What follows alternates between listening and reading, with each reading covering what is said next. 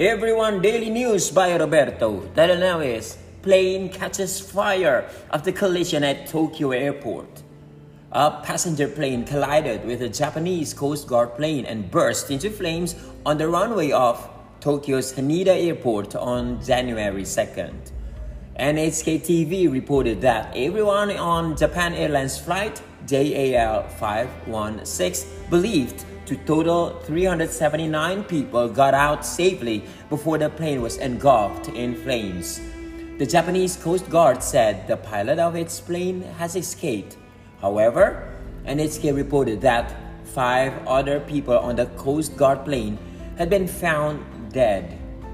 Local TV video showed a large eruption of fire and smoke from the side of the Japan Airlines plane as it taxied on a runway. The area around the wing then caught fire. Video an hour later showed the plane fully on fire.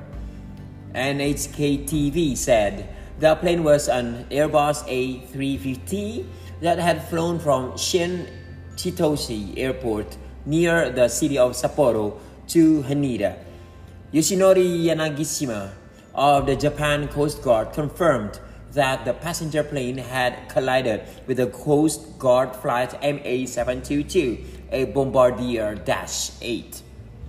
Swede Anton Deiber, I don't know how to read the name, okay. Swede Anton Deiber, 17, who was a passenger on the Japan Airlines plane, told Swedish newspaper Aftonbladet that The entire cabin was filled with smoke within a few minutes.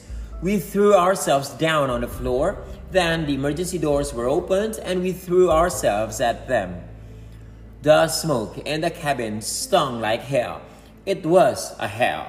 We have no idea where we are going, so we just ran out into the field. It was chaos, added Deiber, who was traveling with his parents and sister.